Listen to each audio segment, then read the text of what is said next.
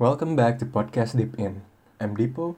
And I'm Kevin, and in this week's episode, we're gonna talk deep in to the topic of the tale of Genji. Enjoy!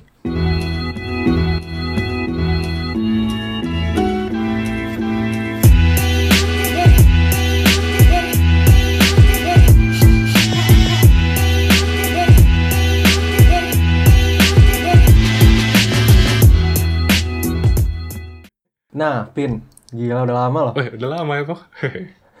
Gila, opening kita udah official gini kayaknya. Gak bosan-bosan opening kita kayak gitu. Gak bener, Pin. Udah biar berasa profesional. Yoi, bener. Kok kalau mas kali? Apa? Oh ya, enggak, Po. Semangat, Po. Harus semangat, Po. Ini ini bukan karena podcastnya udah diulang tiga kali kok, karena kesalahan teknis.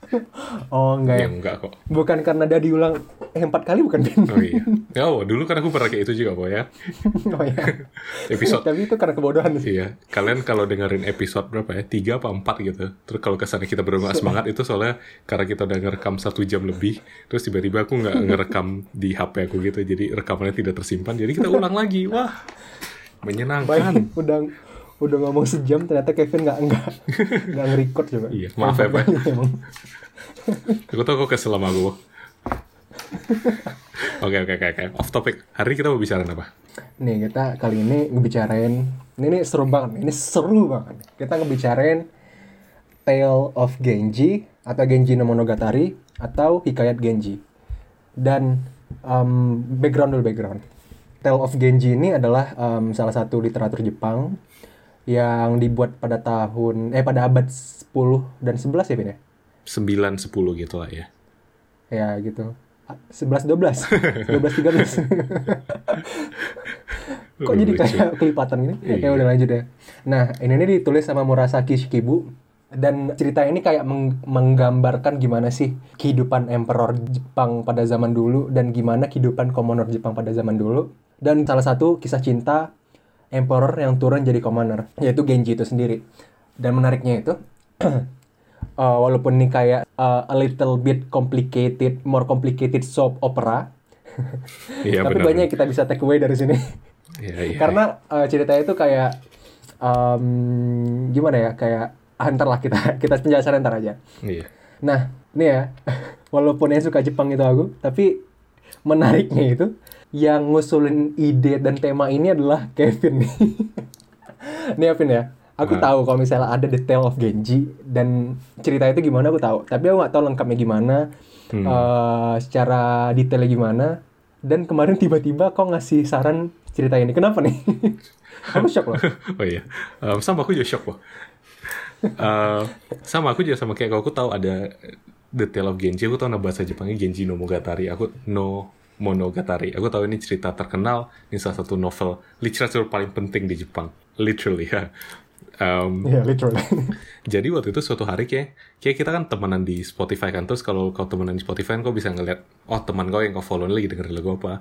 Terus pas aku lagi buka Spotify, ada kau lagi ngeplay lagu dari anime mana gitu, ada tulisan Monogatari. Terus aku kayak, oh Monogatari, oh Genji no Monogatari. Oh iya, udah bahas itu. Terus kayak aku propose, mau mau gak ceritain soal itu gitu. Bahwa sebenarnya aku dengerin itu dari anime lain kali. Oh, iya?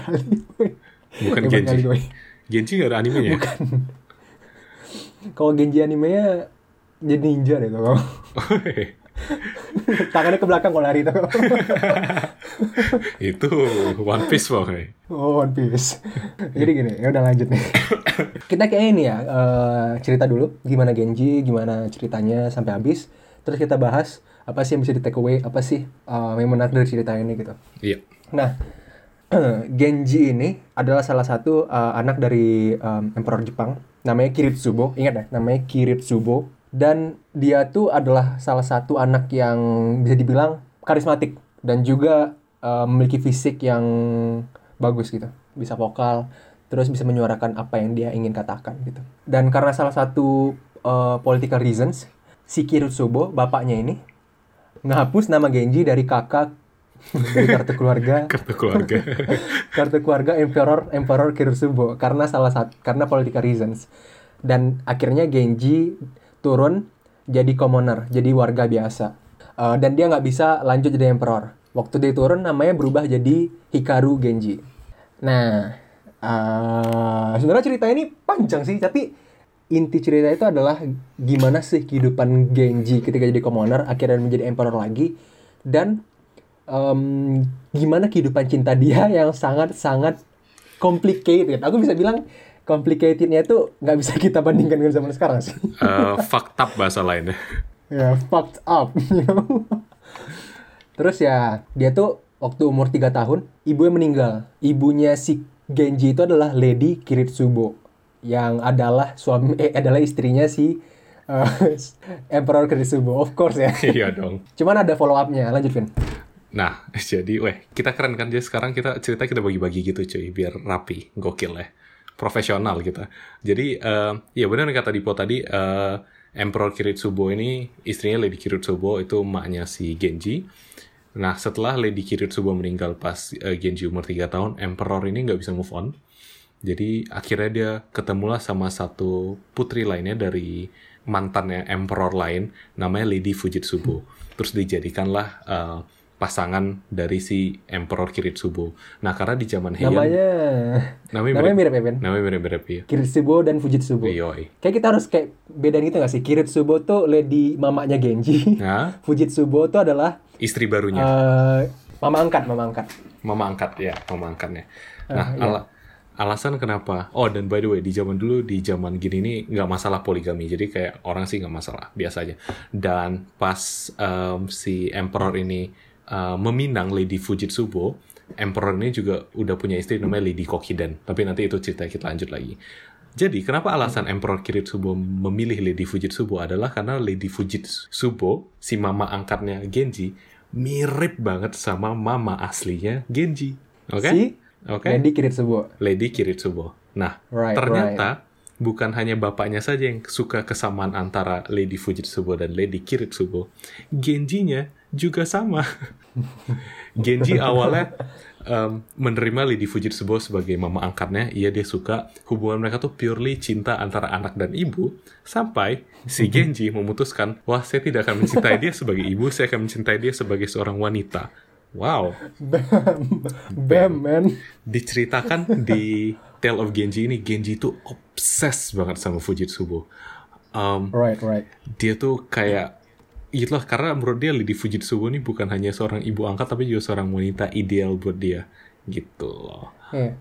Dan ya kalau nggak salah aku sih eh bukan bukan kalau nggak salah emang ceritanya si Fujitsubo juga um, give saya kayak nerima cintanya Genji kan.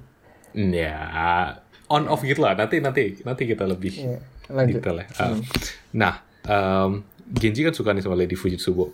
Tapi sebenarnya Genji ini sudah menikah. Pas umur 12 tahun dia dinikahkan dengan putri Wow. lain namanya. Iya, wow 12 tahun. Putri lain yang umurnya baru 16 namanya eh, Ai apa apa? Ai no Ue. Aoi Aoi. Aoi no Ue, putri Lady Aoi. Lady Aoi kita Lady sebutnya. Aoi. Lady Aoi. Lady Aoi ini umur 16 tahun, Genji umur 12 tahun. Jadi Lady Aoi ini lebih tua 4 tahun daripada Genji, obviously. Nah, karena ada perbedaan umur ini, hubungan rumah tangga mereka tuh sebagai suami istri tuh nggak begitu baik karena Genji ngerasa Aoi terlalu tua, terlalu ngatur-ngatur, Aoi ngerasa Genji terlalu kanak-kanakan. Alasan kenapa mereka nggak bisa nyambung juga, mereka agak-agak berantakan rumah tangganya adalah karena selain Genji terobsesi setengah mati sama Fujitsubo, Genji suka pergi mencari wanita-wanita lain. ya bisa dibilang si Genji adalah cuckold. Dia ya pokoknya gitu lah. Dan nih ini bisa gimana jelasinnya? Emang fucked up sih, cuman we promise that at the end of the day there's many takeaway that we can take. Nah, kan si si Genji udah nikah sama si Aoi dan dia suka sama Fujitsubo. Tapi selain itu dia punya selir lain nih. Dia punya cewek, dia punya mistress, dia punya inang-inang lain Inang-inang. yang eh, supaya bisa mewarnai hari-harinya gitu loh. Nah pada saat itu, pada saat itu eh, ada beberapa gitu. Ada uh, Ursusemi atau namanya Lady of Locust Shell, ada Yugao, Mm-mm. ada Asagao, ada Lady Rokujo, dan ada Murasaki. Cuman Murasaki itu ntar terakhir, ah, soalnya agak beda ceritanya. Ini aku ulang sekali lagi, ada Ursusemi, Yugao, Asagao, dan Lady Rokujo. Dan sebenarnya yang pertama kali wanita pertama yang dideketin sama Genji adalah Asagao. Asagao itu adalah sepupunya si Genji yang bisa dibilang eh, masih keluarga. Gini nih cerita cerita tentang Asagao. Jadi Asagao waktu itu eh, si Genji deketin Asagao dan Asagao itu adalah orator dan penyanyi di Kamonasai. Kamonasai itu adalah tempat di mana istri-istri bangsawan itu da, eh, kumpul terus ngegosip gitu loh. Gibah ya, Pak. Gosip girls, eh, gibah. Gibah. Pak. Cuman orang zaman dulu kan ngomonginnya nggak gosip, mereka ngomongin literatur. Jadi Asagao ini bisa dibilang adalah cewek literatur. Kalau misalnya dihubungkan dengan cewek zaman sekarang gitu. Dia adalah cewek literatur yang suka baca, suka eh, kalau ngumpul tuh ngomonginnya kayak ngomongin manga.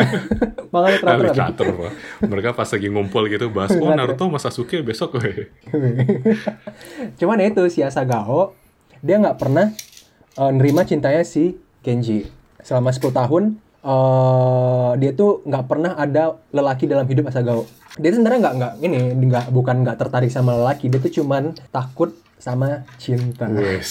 dan laki-laki. Enggak nih maksudnya bukan dalam mendal- bukan sok-sok dalam, tapi emang cerita kayak gitu gitu. Dan ada Ursusemi, Ursusemi ini juga kalau Asagao kan jelas dia no- nolak itu karena si Genji adalah sepupunya. Dan em, waktu itu juga si Genji dia nggak terlalu eh, menekankan gitu, dia cuman melalui surat. Tapi dari Ursusemi, Ursusemi ini bisa dibilang adalah eh, julukannya adalah Lady of the Locust Shell. Ntar ada penjelasannya. Dan Ursusemi adalah istri dari deputi Iyo. Dan itulah salah satu temannya si Genji. Suatu hari Genji main ke, rum- ke rumahnya si Iyo deputi ini dan dia ngedengar ada suara cewek nih. dia langsung kayak, wah ada yang baru nih. Terus ya, cuman ya kayak gitu si Genji. Terus kayak, eh, oke, akhirnya dia ngeliat Ususemi dan dia tahu kalau misalnya Ususemi ini istrinya si Iyo deputi ini adalah wanita muda gitu loh. Wanita yang masih muda dan cantik. Akhirnya dia membulatkan tekad untuk mendekatkan diri ke Ususemi. Dan dia selalu pengen attract attention dia. Cuman si Ususemi nggak pernah secara langsung mengiyakan tawaran-tawaran si Genji. Genji sudah kayak uh, doing sweet talks lah gitu loh. Kayak dia udah mengeluarkan segala jurus um, dia sebagai chat alami gitu dia sebagai apa namanya uh, alpha male kan. Nah pada zaman dulu tuh kayak ada namanya yobai. Nah nama itu yobai. Yobai itu ketika seorang lelaki muda sneak into girls room to make love with her. Jadi kayak dia nanya uh, si cewek ini apakah dia mau make love dengan si cowoknya kalau misalnya cewek konsen maka malam-malam cowoknya bakal datangin cewek itu yobai more like yabai Iya, man. baik. ya nah si Urusemi itu selalu em, menolak itu dan suatu saat suatu saat si Genji pura-pura jadi salah satu cewek yang ingin ngobrol sama si Urusemi dan pelayan Urusemi mengiyakan gitu loh sampai satu saat waktu ketika Urusemi datang Urusemi langsung mencoba mau kabur ketinggalan Genji. Tapi Genjinya kayak langsung refleks narik kimononya si Urusemi dan di situlah ada disebut Lady of Locust Shell karena waktu itu kimononya si Urusemi robek. Jadi kayak eh, ketika serangga shed their skin lah gitu. Oh. gitu. Terus ya ada Yugao. Yugao nih ya bisa dibilang lower class woman lah. Dia terus kayak dia tuh attracted to her by the flower. Jadi kayak dia si si Yugao ini suka eh, nanam bunga terus dia kayak suka nanamnya itu dekat bunga eh dekat dekat rumah dia. Em, dan Genji ngeliat itu gitu. Dia suka Yugao ini punya hati yang hangat lah bisa dibilang. Dan terakhir adalah Lady Rukujo. Dan Lady Rukujo ini inang-inang paling crazy. Bad shit crazy man. Jadi kayak dia tuh punya dia tuh eh, salah satu wanita kelas atas wanita noble. Jadi dia punya great pride. Dia punya apa sih harga diri yang tinggi tapi si Genji kan dia orangnya ini ya kayak suka deketin cewek lain suka gitu suka ya gimana ya nggak terlalu terlalu fokus ke satu cewek gitu loh. Terus dia karena jealous, dia tuh kayak sampai ngebunuh si Yugao dan Lady Aoi. Pada akhirnya tuh Yugao dan Lady Aoi itu mati di tangan Lady Rokujo. Karena eh kejelesan si Lady Rokujo ke Yugao dan Lady Aoi gitu. Pokoknya dia kayak gimana ya zaman sekarang kayaknya ada gak sih event kayak gitu? Terlalu eh bukan jealous ya. Terus di ceritanya Rokujo ngebunuh bukan ngebunuh fisikal tapi dari kayak setannya Rokujo gitu kan. Iya, iya jadi kayak cara subconsciously dia punya um, wandering spirit gitu loh kayak dia tuh wandering spirit tuh ntar poses si Yugao dan Lady Aoi. Terus kayak mereka mati karena itu gitu dan eh, bisa dibilang itu namanya ntar aku nyari aku lupa aku ternyata nama spirit possession tuh kau kalau misal pernah mendengar Mononoke Hmm, Oh, atau Vengeful Mononoke Spirit ya ya. itulah salah satunya Ah. yang eh, mendatangi Yugao dan Lady Aoi dan Mononoke ini dikenal sebagai spirit yang membawa keba- keburukan, kesedihan dan bisa menyebabkan kematian. kayak penyakit Iya, kok kok kayak baca label rokok gitu apa? Merokok bisa menyebabkan impotensi, sakit jantung. Nah itu. Bahkan akhirnya si eh, spirit dari Lady Rokujo ini nyerang si Murasaki dan Murasaki bakal jelasin sama Kevin. Lanjut Pin. Nah, oke. Eh, terima kasih Dipo atas penjelasan empat wanita, empat wanita-wanita di hidupnya Genji saat itu. Um, tapi salah satu yang paling menarik yang di banyak dibilang orang yang udah ngebaca buku Genji, which is bukan gua sama Dipo. Um, ini adalah the main heroine di cerita Genji ini. Namanya Murasaki. Jadi ceritanya suatu hari ini Genji masih ini Genji pokoknya jadi timelinenya juga kita kurang jelas pokoknya Genji masih obses sama mama angkatnya Lady Fujitsubo. Genji masih jadi suaminya Lady Aoi dan saat itu juga dia mencari wanita-wanita lain ini. Salah satu wanita yang dia cari waktu itu di pinggiran Kyoto adalah seorang anak kecil umurnya baru 10 tahun namanya Murasaki. Genji suka banget pas ngeliat Murasaki. Oh, cantik terus em, kayaknya anggun personalitinya bagus gitu-gitu. Ini cocok nih Iya. kayaknya sama Genji. Ini seperti wanita ideal Ya tapi masih 10 Padahal tahun. masih 10 tahun. Ini sepertinya adalah wanita ideal Genji. Dan kenapa dia bisa berpikiran seperti itu? Ternyata karena Murasaki ini nanti ketahuan bahwa dia adalah keponakannya Lady Fujitsubo, which is mama angkat dan sosok wanita ideal Genji. Akhirnya, Bam. karena terobsesi dengan Fujitsubo, Genji pun datanglah ke biara atau kuil tempat si Murasaki tinggal um, dan bilang nih ke yang jaga kuil, uh, oh um, aku boleh nggak ngajak si Murasaki tinggal di kota terus dijadikan istri atau apa gitu. Um, ditolak, ditolak, ditolak, nggak mau nggak mau akhirnya Genji secara nekat menculik Murasaki. Wah, Membulatkan tekad. membulatkan tekad pintar sekali Genji memang. Kalau tidak diberikan culik saja, wah. Akhirnya Murasaki Man among men. Eh, gila. Kacau tuh orang. Genji akhirnya ngebawa Murasaki untuk dididik, dibesarkan seperti anak sendiri. Seperti anak sendiri, tapi bukan untuk menjadi anak sendiri. Dibesarkan seperti anak sendiri untuk menjadi calon pengantinnya Genji. Jadi Genji diceritakan membesarkan Murasaki, Educates. educates her, raise her un- to be the ideal lady, to be Lady Fujitsubo. Jadi bayangin dia nyurik anak kecil, terus dibesarkan dibentuk sesuai sama apa yang dia inginkan yaitu mama angkatnya si Lady Fujitsubo itu. Ah, Gila sih emang si Genji. nah pada saat yang sama Genji kan udah tinggal di istana nih. A little bit of warning, this is a little bit fucked up. I guess all the stories hari ini a little bit fucked up tapi um, jadi Gen ini apa tadi nama apa Yobai ya. Jadi Genji Yobai, Yobai. ke tempat Lady Fujitsubo. Uh, awalnya ada penolakan, terus ada yang kayak jagain bla bla bla segala macam, tapi ujung-ujungnya um, Genji memaksa Lady Fujitsubo to have sex with him uh, without consent, um, dan akhirnya dari hubungan malam itu Was it without consent? Eh, itu kayak diperdebatkan ya, Pak, with or without consent ya. Iya, Iya. karena Iya, nggak tahu karena kayak ada betul, skrip-skrip yang bilang si Lady Fujitsubo ini sebenarnya nanti Indian juga ada kesukaan dikit sama Genji ya nggak, Bu? Hmm. Nah, set, karena hasil Rasa aku ada sih. hasil eh, hubungan malam itu lahirlah seorang anak namanya Reizei. Semua orang kira Reizei ini adalah anaknya si Emperor, yaitu suami sahnya si ada ya anaknya bapaknya Genji, suaminya Fujitsubo. Iya, cuma Fujitsubo dan Genji yang tahu bahwa Reizei sebenarnya itu anak mereka berdua. Tapi fakta ini disembunyikan sama mereka berdua. Mereka tetap just go with the fact that oh ya udah Reizei itu anaknya Emperor dan Fujitsubo gitu. Anaknya Kiritsubo. Right. Iya, kayak yang Kevin bilang tadi, kayak sampai akhir pun si Reiza juga nggak nggak ketahuan kalau misalnya Reiza itu adalah anak dari Fujitsubo dan Genji. Karena sampai akhir pun Genji dan Lady Fujitsubo uh, keep their secret until their until their um, last rest lah gitu lah. Terus akhirnya setelah itu nih Genji sama istri resmi dia, si Lady Aoi itu sempat um, balikan pakai kutip karena eh, nggak tahu ya, mungkin waktu itu Genji sempat eh, tertarik lagi sama Lady Aoi dia. Setelah berapa banyak mistress mistress inang-inang yang Inang-inang. ada dalam hidup Iya. Genji akhirnya dia balik ke istri dia Lady Aoi mereka reconcile sampai akhirnya Lady Aoi itu melahirkan. Tapi setelah itu Lady Aoi meninggal karena si uh, Lady Rokujo tadi yang setelah aku ceritain tadi.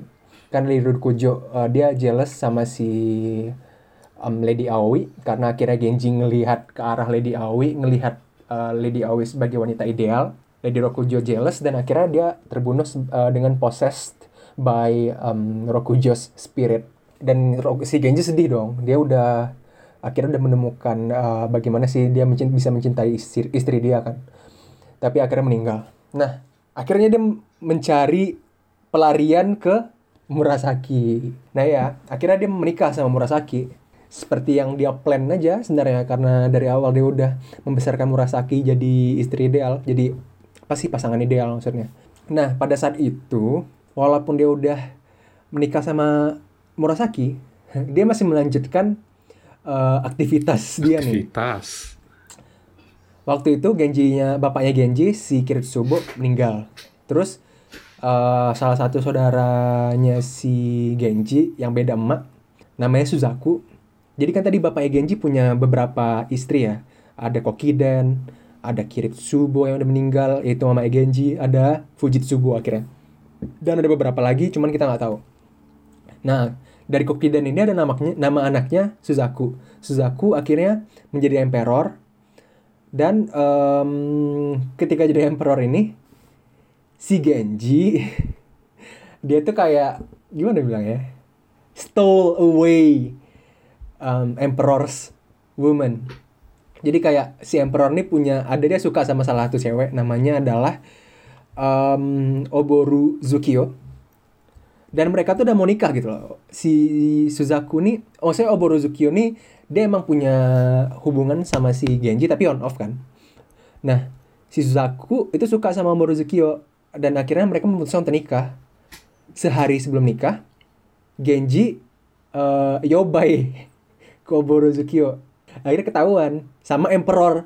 Bayangin ya mereka besok mau nikah terus ketahuan ada ya itulah nah akhirnya si Genji itu dia dibuang ke um, ke mana pun ya ke dibuang lah pokoknya kita tidak tahu dibuang ke mana oh ke daerah namanya Akashi Oh ya Kakashi. Kalian namanya Kakashi. Dan uh, dia Kakashi ini dia udah nih dibuang kan, exiles. He's being exiled.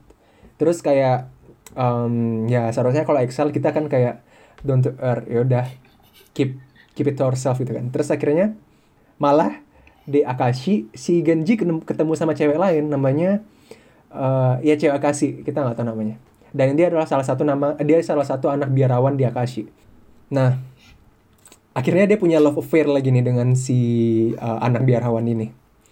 Akhirnya anaknya ini uh, anak biarawan ini dia melahirkan sampai akhirnya melahirkan salah satu uh, satu-satunya anak perempuan Genji uh, dan itu ntar bakal jadi empress nah iya uh, jadi nanti si putrinya satu-satu putri satu-satunya uh, Genji ini diceritakan jadi empress juga gitu loh jadi sekarang anaknya Genji udah dua ya, Pak ya?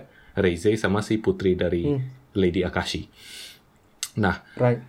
setelah uh, pada saat si Genji di exile ke daerah Akashi, um, Emperor Suzaku, um, raja yang sekarang saudara tirinya Genji itu dihantui atau didatengin lah istilahnya sama um, hantu dari Emperor Kiritsubo, bapaknya Suzaku dan bapaknya Genji bapak si Emperor Kirisubo ini datangin tidak hanya Suzaku tapi datang Genji juga. Dia datangin Suzaku buat ngasih tahu bahwa lo harus balikin Genji ke kerajaan, harus balikin Genji ke Kyoto. Uh, awalnya si Suzaku nggak begitu percaya, tapi habis itu kayak matanya suka gatal, terus penglihatannya mulai kacau gitu, terus dia percaya, oh mungkin ini kerjaan Emperor Kiritsubo, oke, okay, gue percaya. Saat yang sama dia juga menghantu, ngedatengin Gen, Genji, ngedatengin Genji untuk suruh kayak Genji pulang dan tobat lah gitu istilahnya. Nah, kenapa? Awalnya awalnya kan dari cerita Dipo Emperor Suzaku nih benci banget sama Genji karena uh, nyolong calon istrinya. Um, itu juga salah satu alasan kenapa dia ngebuang Genji adalah karena selama ini Suzaku tuh selalu dikontrol sama ibunya Lady Kokiden dan uh, satu minister mereka lah gitu. Jadi mereka semua on power. Tapi pada saat yang sama Lady Kokiden mulai jatuh sakit, kuasanya ke Suzaku mulai kecil. Akhirnya Suzaku percayalah karena datangi bapaknya, ngebalikin Genji ke uh, Kyoto. Nah ternyata benar dong uh, prediksi bapaknya. Saat Genji balik ke Kyoto, em, si Suzaku memaafkan Genji dan kayak dijadikan salah satu orang penting kerajaan lah. Sampai ujung-ujungnya em, Belum jadi orang penting, Pin. belum ya? Jadi kayak eh, si akhirnya tuh ya udah kan dia ya- balik aja gitu ke Kyoto. Ah. Tapi sampai akhirnya anaknya si eh, Genji, si Reize jadi emperor tuh. Ah. Karena orang pikir si Reize ini kan anaknya si Kiritsubo Subo. kan. Makanya Anaknya dia sahnya Genji. naik gitu kan. Dia sahnya naik tuh Ah. jadi emperor. Nah, karena Reize, tapi Reize tahu kalau misal bapak sebenarnya tuh Genji gitu. Ah, iya iya. iya. Dari situ dia mulai naikin ranking si Genji. Dia mulai naikin kasta Genji. Iya. Jadi ya, jadi tinggi Jadi lah. tinggi. Nah, nah jadi yang kita bahas dari tadi itu itu sering dikonsider sama orang part one-nya The Tale of Genji. Karena sebenarnya si penulis sendiri si Murasaki Shikibu nggak pernah nih ngebagi-bagi part one, part two, part three. Tapi dari translatean ke Jepang, setelah dianalisa mereka nganggap itu part satunya gitu loh. Right, right. Ya, itu. Jadi akhirnya yang itu sebenarnya eh, sampai akhir chapter tuh dikosongin gitu dan orang pikir kalau misalnya Genji akhirnya meninggal gitu kan. Hmm. Sampai lanjut ke chapter 2 itu tentang Kaoru, anaknya si salah satu anak Genji. Kayak kita nggak bakal cerita itu, masih cerita itu deh. Iya, itu... Dan ya part 3 hmm, itu apa? Oh sorry, enggak itu maksudnya kayak nggak begitu jelas juga karena kayak yang diceritain tadi si Murasaki ini nulisnya tuh as it goes, jadi dia nggak pernah nge-plan endingnya. Ada cerita ditulis ditulis tulis. Jadi yang ini nggak seterkenal part satunya sih basically cuma dia punya anak sama satu putri lagi dikasih nama Kaoru. Terus habis itu Murasaki ujung-ujungnya jadi biarawati gitu, eh, menjauhkan diri lah dari Genji gitu. Yoi. Yoi. Dan itu ya akhirnya itu cerita itu kayak nggak pernah selesai. Bahkan aku dengar kayak sebenarnya eh udah aku bilang apa tadi pada di awal Ben, skripnya yang kayak skrip asli yang nggak pernah ketemu. Belum gitu. belum. Maksudnya nggak sampai habis selesai gitu. Hmm. Ya gitu, skripnya tuh kayak em, dibuat di salah satu bukan di buku sih, jadi kayak kertas-kertas itu dilipat-lipat sampai jadi kayak akordion. Hmm. Itu tulis sampai ceritanya itu selesai gitu. Iya. Nah, akhirnya bahas nih. Aduh. Ya kita udah mencoba sependek mungkin tapi akhirnya 30 menit juga Oh iya, kita ngerangkumnya 30 menit. Iya. Eh, iya, jadi benar kata Dipo emang sih. panjang Kayak sih. nggak pernah selesai gitu ceritanya. Manuskrip asli juga nggak ada kan pos sekarang. Cuma ada fotonya doang kan. Iya, bener. Nah, Dan itu Pin ya kayak kalau ngebahas ini ya aku selalu ini sih em, kepikiran sih Pin kayak kenapa zaman dulu tuh kayak mother complex tuh isu gitu loh kayak eh, kau mungkin pernah dengar Oedipus yang dia nikahin emaknya terus eh, dia ngebunuh bapaknya heeh. tapi dia nggak tahu awalnya gitu loh dan kita kalau di Indonesia ada sang kuryang gitu kan Maling kundang juga nggak, Po? nah eh enggak. Oh enggak ya? Oh enggak ya? Terus ya itu kayak eh, aneh gitu kayak apakah emang dulu tuh adalah isu? Apakah itu adalah sesuatu yang normal pada zaman dulu atau gimana? Iya, banyak eh, nggak tahu sih apa. Kalau menurut aku sih nggak tahu sih alasan aslinya kenapa mother kompleks. Tapi mungkin semua isu bisa diangkat di naratif dan ah makanya itu sih eh, apa ya? Sekarang kayaknya udah berevolusi jadi father kompleks gitu kan. Sekarang carinya daddy daddy ya kan? Sugar daddy. sugar daddy gitu. Kalau menurut kau kenapa? Em, kalau menurut aku sendiri sih, nih ya kalau misalnya menurut aku, kalau di cerita Genji ini sendiri, dia sebenarnya lebih nekenin ini sih kayak si Genji ini kurang affection, mother affection gitu kan dari awal. Genji itu umur dari umur 3 tahun maknya udah meninggal kan. Jadi dari kecil dia udah gak ngerasain gitu. Afeksi, afeksi dari seorang ibu, afeksi dari seorang wanita. eh dan mungkin dari itu sih kayak Iya. jadi besarnya kayak Jadi mencari sosok you know, ideal he itu search ya ya. Iya, iya, iya. Yeah, he searched for it. He he wants to know gitu loh. Hmm. He wanted to Iya, know. Bener sih. Eh, ada sih satu yang mau aku bahas kayak cerita Lady Fujitsubo. Salah satu alasan kenapa Lady Fujitsubo eh, nggak mau tahu, nggak mau ngasih tahu ke orang-orang, termasuk ke Raja Kir, Emperor Kiritsubo bahwa Reize adalah anak dia dan Genji secara biologis, tapi malah ngaku Reize itu anaknya Fujitsubo dan Emperor Kiritsubo. Itu kan salah satu alasannya ditulis di buku bahwa eh, Lady Fujitsubo ini eh, gak takut kalau nanti um, dia tuh bakal out of power. Dia tuh nggak bakal punya tempat lagi kerajaan dan Reize dan hidupnya Reize dan dia tuh menderita gitu. Jadi sebenarnya menurut aku tuh apa ya? Oh iya, oh Ya, iya. ini ini denger. salah satu gambaran keren atas rebellion dan gimana cara wanita-wanita zaman dulu nih melawan oppression gitu loh kayaknya. Bahwa Jadi kayak mereka tahu gitu kan. mm-mm, mereka tahu oh iya kalau that they have to use this as an opportunity to stay in power, to stay up there gitu loh, and which is I guess a very cool thing. Ya gitu sih dan kalau aku boleh namain lagi itu mungkin karena karena kata orang orang nggak tahu apakah cerita kayak, kayak tadi yang kalau kita lihat Murasaki ini main hero ini Murasaki namanya sama sama yang nulis Murasaki eh, Shikubu orang sering Iya, mikir Shikibu. Shikibu sorry apakah Murasaki yang diceritakan di buku adalah gambaran refleksi Murasaki dari sebenarnya. Murasaki yang asli Um, dan apakah. Genji mungkin karakter asli yang cerita Murasaki menurut lo gimana pak? Wah, itu sebenarnya gimana ya? Kalau misalnya dari bayangan sih, kan kita tahu kalau misalnya si Murasaki Shikibune sendiri dia nulisnya tuh kayak per part dan dia tuh nulisnya tuh kayak eh, as it goes gitu loh. Itu kayak eh, dia nunggu kelanjutan bisa jadi dia nunggu kelanjutan di hidup dia Hmm, atau emang nunggu ide aja gitu loh. ya ya benar benar benar. benar. Cuma menarik aja gitu kayak karena kenapa dia masukin nama dia sendiri dalam cerita kan kayak aneh ya aku nggak pernah sih ngeliat ada uh, penulis zaman sekarang yang nulis nama dia di dalam uh, sebuah hasil literasi gitu. Iya, Iya, itu itu yang aku pikirin tadi po. Misalnya ada cerita gitu kan, oh ada penyihir um, pakai kacamata tinggal di bawah uh, tangga namanya J.K. Rowling kan lucu. Nah, Vin, ini satu lagi, Vin. Kayak uh, menarik nih. Aku pernah, aku ada baca juga kemarin. Kan si Lady Aoi itu mati karena uh, dipossessed atau pakai pakai kutip dibunuh sama uh, Lady Rokujo, ya kan? Dan mereka emang Lady Rokujo kenal sama Lady Aoi gitu. Karena uh, Lady Aoi bisa dibilang adalah salah satu anak empress, eh emperor. Iya. Dan Lady Rokujo adalah high class girl, high class woman Mm-mm. dan dia dibunuh sama Lady Rokujo. Jadi ada teori yang menyatakan kalau misalnya, kalau misalnya secara eh, garis besar kita lihat Lady Aoi adalah korban dan Lady Rokujo adalah agresor kan. Mm-mm. Tapi ada teori yang menyatakan kalau misalnya eh, mereka tuh bersekongkol gitu loh.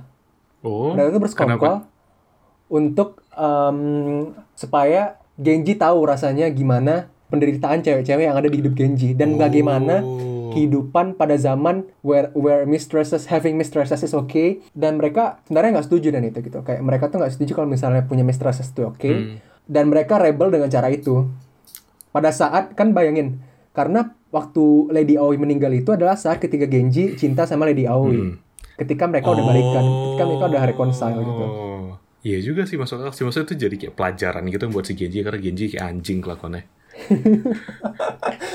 cuman Ah, menariknya lagi nih Vin dalam ceritanya yang aku tahu sih nggak pernah nggak ada wanita yang punya hatred towards Iya. Genji gitu loh bener. Bahkan Rokujo ini pun lebih ke jealousy kan. Dia nggak benci sama Genji, cuma dia nggak suka aja sama cewek-cewek lain. Apa ya? Oh iya, iya ini tadi ada bagian yang, yang lupa kita ceritain. Em, jadi Lady Rokujo habis itu mikir kalau oh Genji ini toxic banget nih buat gue. Em, kayak kalau istilah gaulnya sekarang Genji ini tertoxic buat gue. I have to get out dari dia. Jadi Lady Rokujo waktu itu mengasingkan diri sama anaknya. Anaknya kayaknya sih bukan anaknya Genji. Nama anaknya Aki Kunumo kalau nggak salah mengasingkan diri jauh dari Genji udah mereka hidup bahagia senang dan Lady Rokujo tuh di sana sadar bahwa oh iya berarti selama ini yang bikin uh, gua jahat apa segala macam itu mungkin adalah pengaruh dari obsesi dia terhadap Genji juga gitu. Tapi ujungnya pas dia men Da- dan itu nih dia dia nggak nyalahin Genji dia nyalahin Iya. obsesi dia gitu loh. Dia nyalahin uh, bagaimana dia terobsesi dengan Genji bagaimana dia terlalu jealous dengan Genji gitu. Nggak pernah nyalahin Genji gitu. Uh, Lanjut, Vin. iya tapi saat pas dia mau meninggal Lady Rokujo ini nitipin anaknya ke si Genji buat dibesarkan entah kenapa dia mikir Genji adalah pilihan yang benar. Aku juga gak tahu sih kenapa cerita kayak gitu. Um, but anyway Indian itu nanti jatuh lagi ke masalah sama si Emperor Suzaku balik lagi. Karena Emperor Suzaku pengen anaknya nikah sama anak Rokujo tapi Genji pengen anaknya Rokujo nikah sama Reizei anaknya dia. Jadi gitu lah it's a whole another love triangle. Berapa generasi gitu. Iya. Ya itu sebenarnya jatuhnya cerita kayak love affairs yang ended karena jadi ini uh, several love affairs that ended because da dying atau that ended because he bored with his lover gitu lah kayak ceritanya ini cerita si Genji ya, gitu gitu sebenarnya. sih maksudnya. Um, kayaknya cerita Genji diinterpretasikan secara berbeda-beda oleh banyak pihak karena balik lagi ceritanya nggak pernah selesai kita nggak pernah tahu endingnya. Apa kita nggak tahu motivasi si Genji ngelakuin semua ini tuh apakah murni karena obsesi atau emang karena dia psikopat juga egomaniak ya nggak tahu kan Eh tapi nih pen yang yang menariknya itu di literatur literatur Hmm. Jepang mereka tuh ngejelasin kalau misalnya Genji tuh jadi kan ada Hmm. 14 wanita dalam hidup Genji. Maksudnya 14 wanita utama sebenarnya ada ada lebih, cuman yang utama adalah Hmm. 14. Dan rata-rata orang bilang he loves he love them all gitu. Maksudnya bukan bukan karena dia ingin um, sekedar nafsu gitu ya making love with them gitu lah. Iya, jadi kayak he love them all. menarik Eh, aku nggak tahu sih kenapa gitu lah. Kenapa kenapa orang menarik kesimpulan seperti itu? Karena ya balik lagi ke tadi kita nggak baca bukunya, kita cuma Iya. baca summary. Eh, iya benar sih maksudnya karena apa ya ya seperti diceritakan di Podi pertama Genji ini emang cowok yang sangat sangat perfect pada zaman Heian gitu loh di zamannya karena di zaman Heian yang kayak berdasarkan aku baca tadi kayak zaman Heian tuh cowok-cowok dan juga orang-orang tuh lebih tertarik ke cowok atau cewek yang lebih melankolis yang lebih sensitif dan punya apresiasi terhadap art gitu loh, terhadap seni. Kalau dia tuh seniman bisa main gitar, baca puisi itu kayak perfect dan Genji bisa kayak gitu. On top of dia he looks perfect gitu loh. Uh-uh. Hmm. Dan itu sih yang menarik juga kenapa kayaknya dibilang cerita ini kan yang kayak tadi dibilang Dipo ini kayak bunch of love affairs complicated, ada cerita keluarga, cerita um, cinta segala macam dan itu ditulis di abad ke-9 atau abad ke-10. Jadi orang selalu bilang, "Oh, cerita The Tale of Genji ini itu novel pertama dunia gitu loh. Sesuatu yang pertama kali bisa dikonsep novel itu Tale of Genji dan ini juga mungkin kata orang one of the best and most important literature in the history of Japan. And what makes it cool menurut gua, menurut aku juga karena em, ini tuh kan yang nulis cewek. Jadi dan kau tau kan kalau misalnya kita baca eh, cerita-cerita zaman dulu itu tuh kita selalu lihat kayak dari dokumen-dokumen penting, dari catat-catatan perang. Tapi ini tuh kita ngelihat cerita kehidupan para kortesan-kortesan ini dari mata dari mata wanita-wanita yang actually Iya, hidup di langsung. zaman-zaman itu gitu loh. Zamannya, Iya, karena di zaman Hmm, bener. jadi kebanyakan kayak tadi aku baca semua literature yang keluar dari zaman Heian yang menjelaskan zaman Heian abad ke-9 abad ke-10 Jepang itu seperti apa tuh rata-rata ditulis oleh perempuan. Jadi itu Oh, iya maksudnya gitu ya? keren iya jadi kayak Wow. jarang banget kayak a piece of history cerita tentang sebuah culture cerita tentang kehidupan sebuah komunitas masyarakat ditulis dari mata perempuan karena kayak zaman dulu kan perempuan diopres abis gitu kan and which is cool gitu loh Iya. dan salah satu alasannya juga kenapa wanita-wanita ini bisa um, menulis dan menghasilkan karya kayak gini ya alasannya karena opresi itu sendiri. Wanita di Jepang pada zaman iya pada zaman Heian tuh mereka dikasih pendidikan mereka dikasih tanah mereka hidupnya enak gitu loh. Tapi balik lagi mereka nggak boleh ke mana-mana. Kayak yang kau bilang tadi mereka cuma nunggu di kamar sampai ada cowok yobai ke mereka gitu. Yo, bye. iya jadi biarpun mereka in a sense dapat pendidikan dapat tanah mereka nggak bisa keluar nggak bisa ketemu orang juga. Dan ujungnya karena opresi itulah mereka nulis cerita-cerita kayak gini dari sudut pandang mereka bahwa oh iya nih em, kita hidup gini-gini aja. Akhirnya mereka ceritalah dari sisi pandang mereka dan menurut aku ya kalau bisa disambungin ke yang cerita Lady Fujitsubo tadi gitu loh karena gimana caranya para wanita ini fight for their power in that kind of environment yang tidak menguntungkan wanita gitu loh. Bener, Dan- bener banget.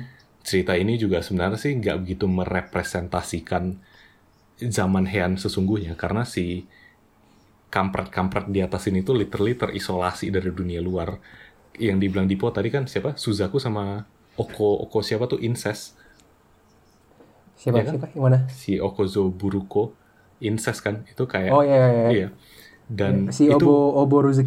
Oboruzukyo incest dan itu wajar gitu loh karena para komunitas elitis aristokrat em, Jepang ini tuh tidak mau diasosiasikan mereka tidak mau ke dunia luar gitu. Jadi ya pure blood mereka pokoknya orangnya di situ-situ aja. Jadi wajar pada cerita zaman dulu ini banyak incest incestnya gitu gitu. Dan Hmm. ya itu sih. Jadi menurut aku sih ini salah satu it's a very good literature. Aku pengen sih jadi baca untuk Bener. menceritakan gimana kehidupan para elitis the 1% of the 1% of Heian Bener. pada abad ke-10 gitu. Nah, sejak yang nulisnya cewek yang kayak gue bilang tadi kan, aku jadi mikir kayak um, the way Fujitsubo keep secret about uh, her son itu salah satu gimana uh, cewek zaman dulu tuh ini loh berjuang gitu loh ngerti gak sih? Iya benar. Kayak mereka they, they- mereka berjuang dalam diam gitu loh. Kayak mereka berjuang dalam diam. Mm-mm. Tapi tak, mereka tak berjuang gitu. Ngerti gak sih maksud gue? Yoi, benar-benar. Iya. The way the way the way he talks about Fujitsubo. Dan kalau misalnya kita gabungin tadi ke yang Lady Aoi yang aku bilang tadi kan. Mm-mm. Dan kayak Murasaki contohnya.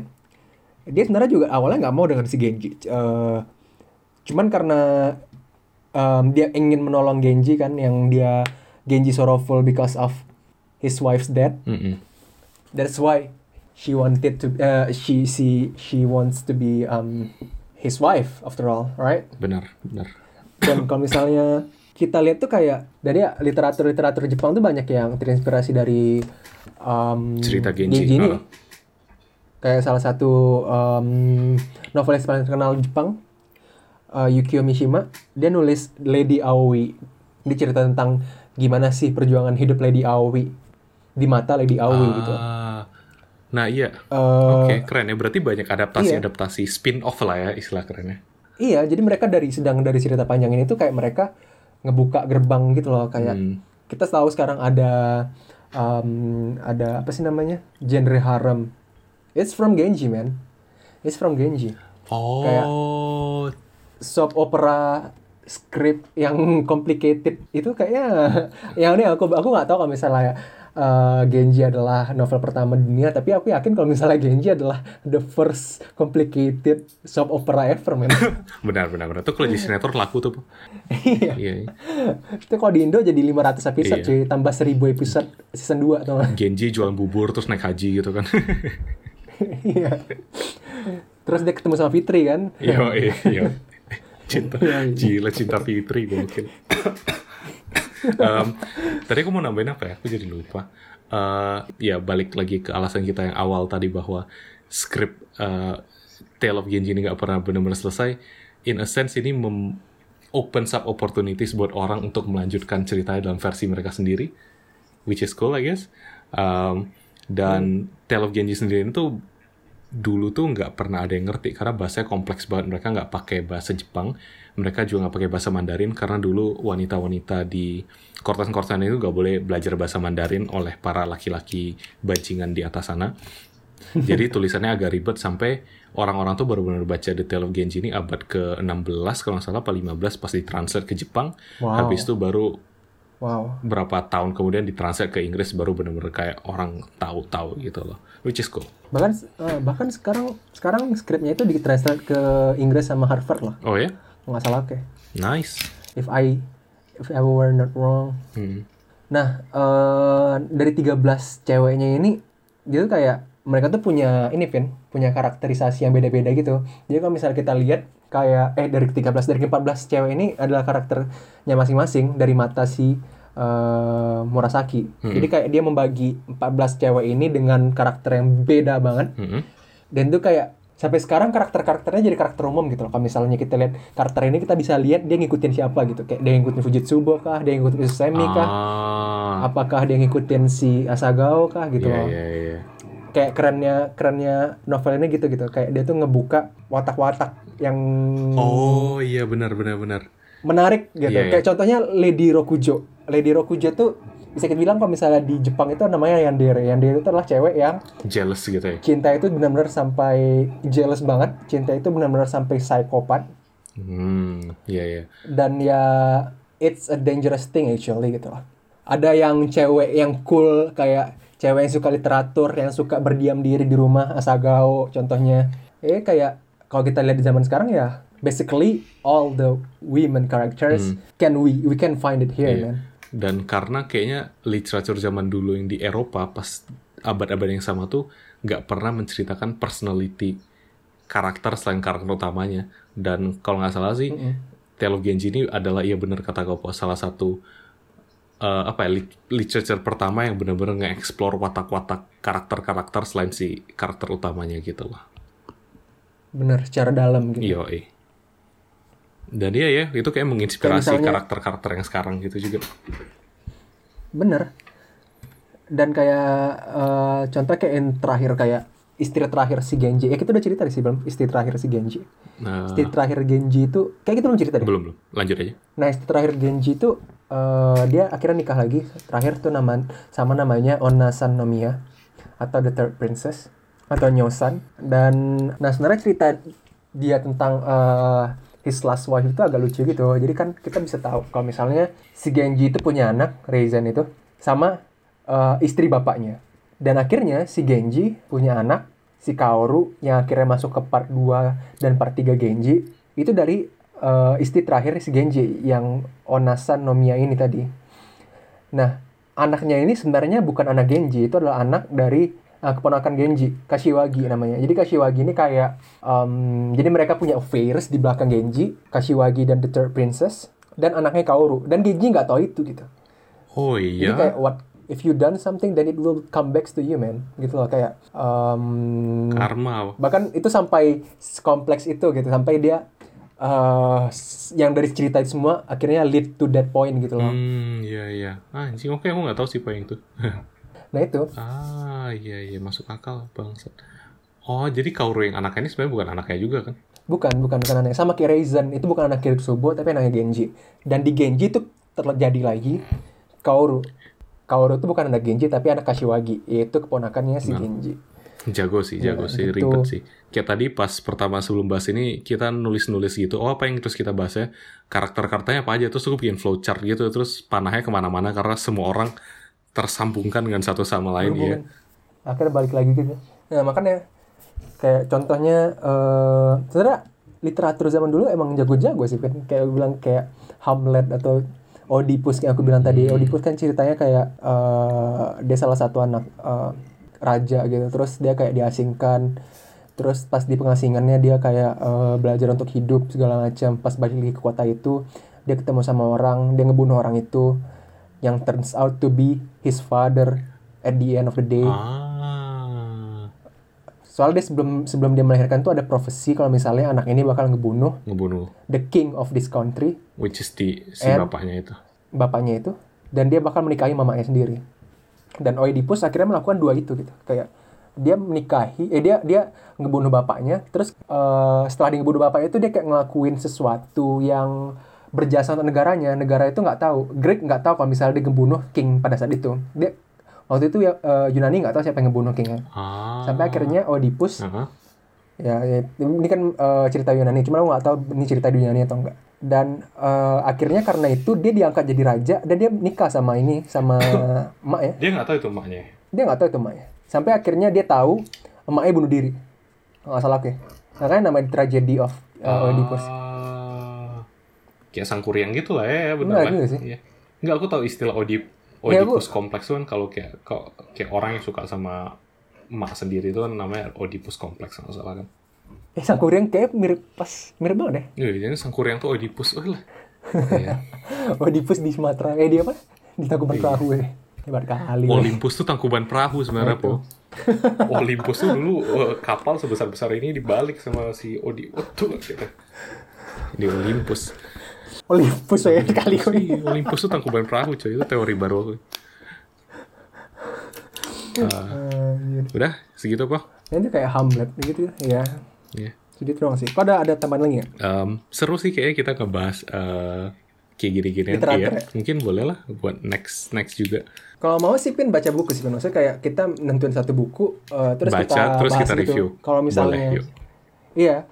Jadi kayak kita eh, ada ngebaca nambah sesuatu juga, tapi kita juga nge-share gitu. iya benar Dan mungkin menambah minat baca Indonesia. yo eh, siap Karena boleh jujur aku setiap setiap setiap baca sesuatu rasanya pengen nge-share gitu loh. Hmm, dan Kok ngerasain kayak gitu? eh iya dan itu tujuan kita bikin podcast kan untuk nge-share apa yang kita punya aku justru Iya. aku sekarang Mungkin jadi Lanjut, eh, lanjut. iya sorry dulu tuh aku kayak berapa bulan ke belakang rajin baca buku karena aku sering naik bus gitu jadi sering baca terus Hmm. kebetulan baru-baru ini aku em, beli mobil jadi sudah jarang lah saya naik bus ya kan jarang lah saya membaca Oh, beli Iya, iya. mobil. Jadi ini Oh, nyombong. enggak dong iya ini kayak secretly. low, low key nyombong tapi justru karena terus aku ngerasa kayak oh udah aku udah lama nih gak baca buku harus balik baca buku lagi jadi sekarang aku lagi on a 30 days challenge buat baca buku tiap hari Ya udah kita lanjut aja. Iya, ya tinggal pilih lah mau buku apa nanti kita bahas ya, Boy.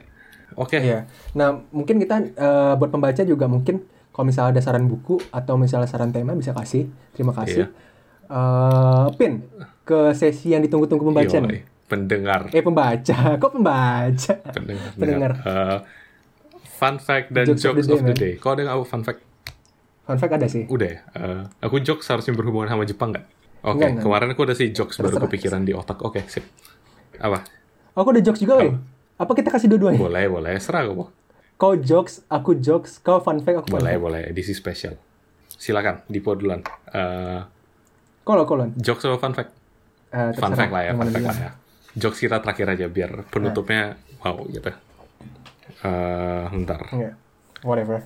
Eh, fun fact. Eh, Oke, fun fact-nya adalah eh, kalau tadi kalian sadar kenapa nama karakternya di Tale of Genji mirip-mirip em, atau nama yang nggak jelas gitu itu karena si Murasaki Shikibu, Shikibu sendiri yang nulis nggak pernah ngasih nama karakternya.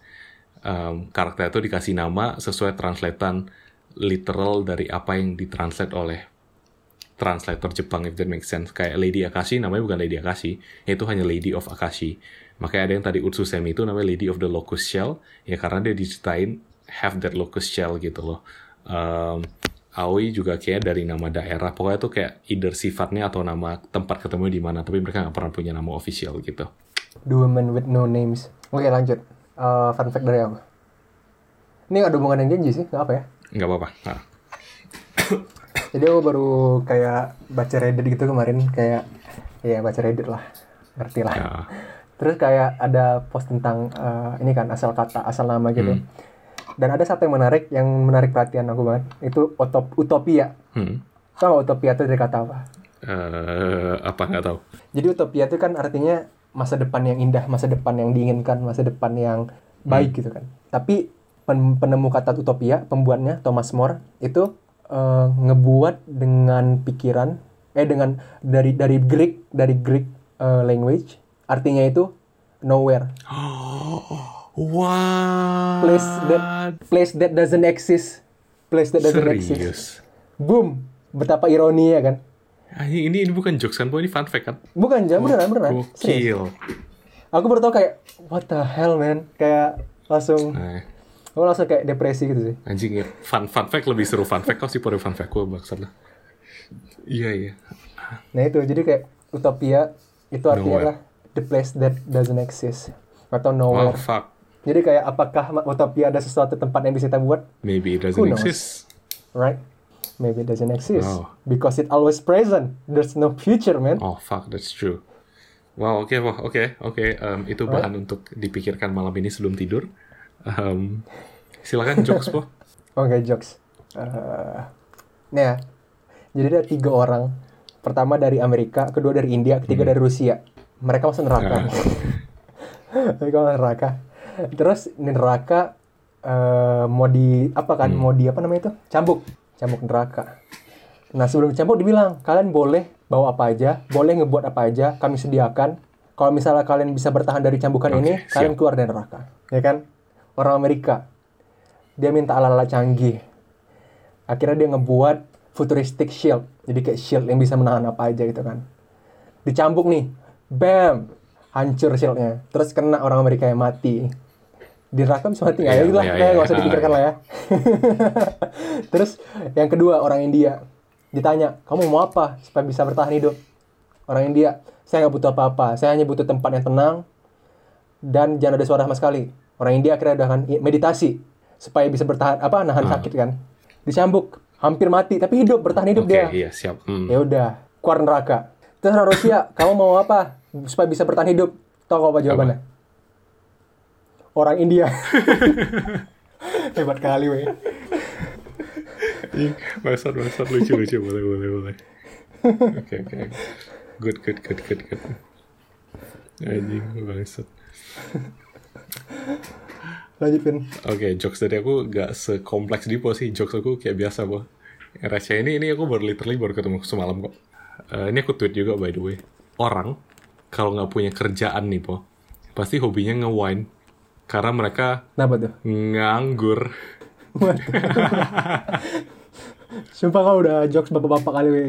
Nggak anggur, nggak wine. Apakah ini karena eh, karena kehidupan white collar, Vin? Wah, enggak lah. Nggak boleh sombong, Po. Nggak boleh sombong. Bacot. Ya. Eh, Oke, sip. Udah segitu aja hari ini. Weh, terima kasih, Ya. Dipo. Ini adalah episode yang sangat menyenangkan. Sangat membuka ini, mata. ini juga kasih menyenangkan, sangat menyenangkan. Hmm. Ya, till next time. Ada lagi yang mau dibilang? Eh, nggak ada sih itu aja. Eh, thank you guys for listening again. Iya please eh, benar kata Dipo Iya. tadi. eh, kalau kalian punya saran apa yang harus kita baca atau kita tonton, either a film or a book yang nanti bisa kita review Ya, atau tema terserah. atau atau topik apa pun yang mau kita bahas, eh, please let us know. And we'll Yeah. see you next time. Bye.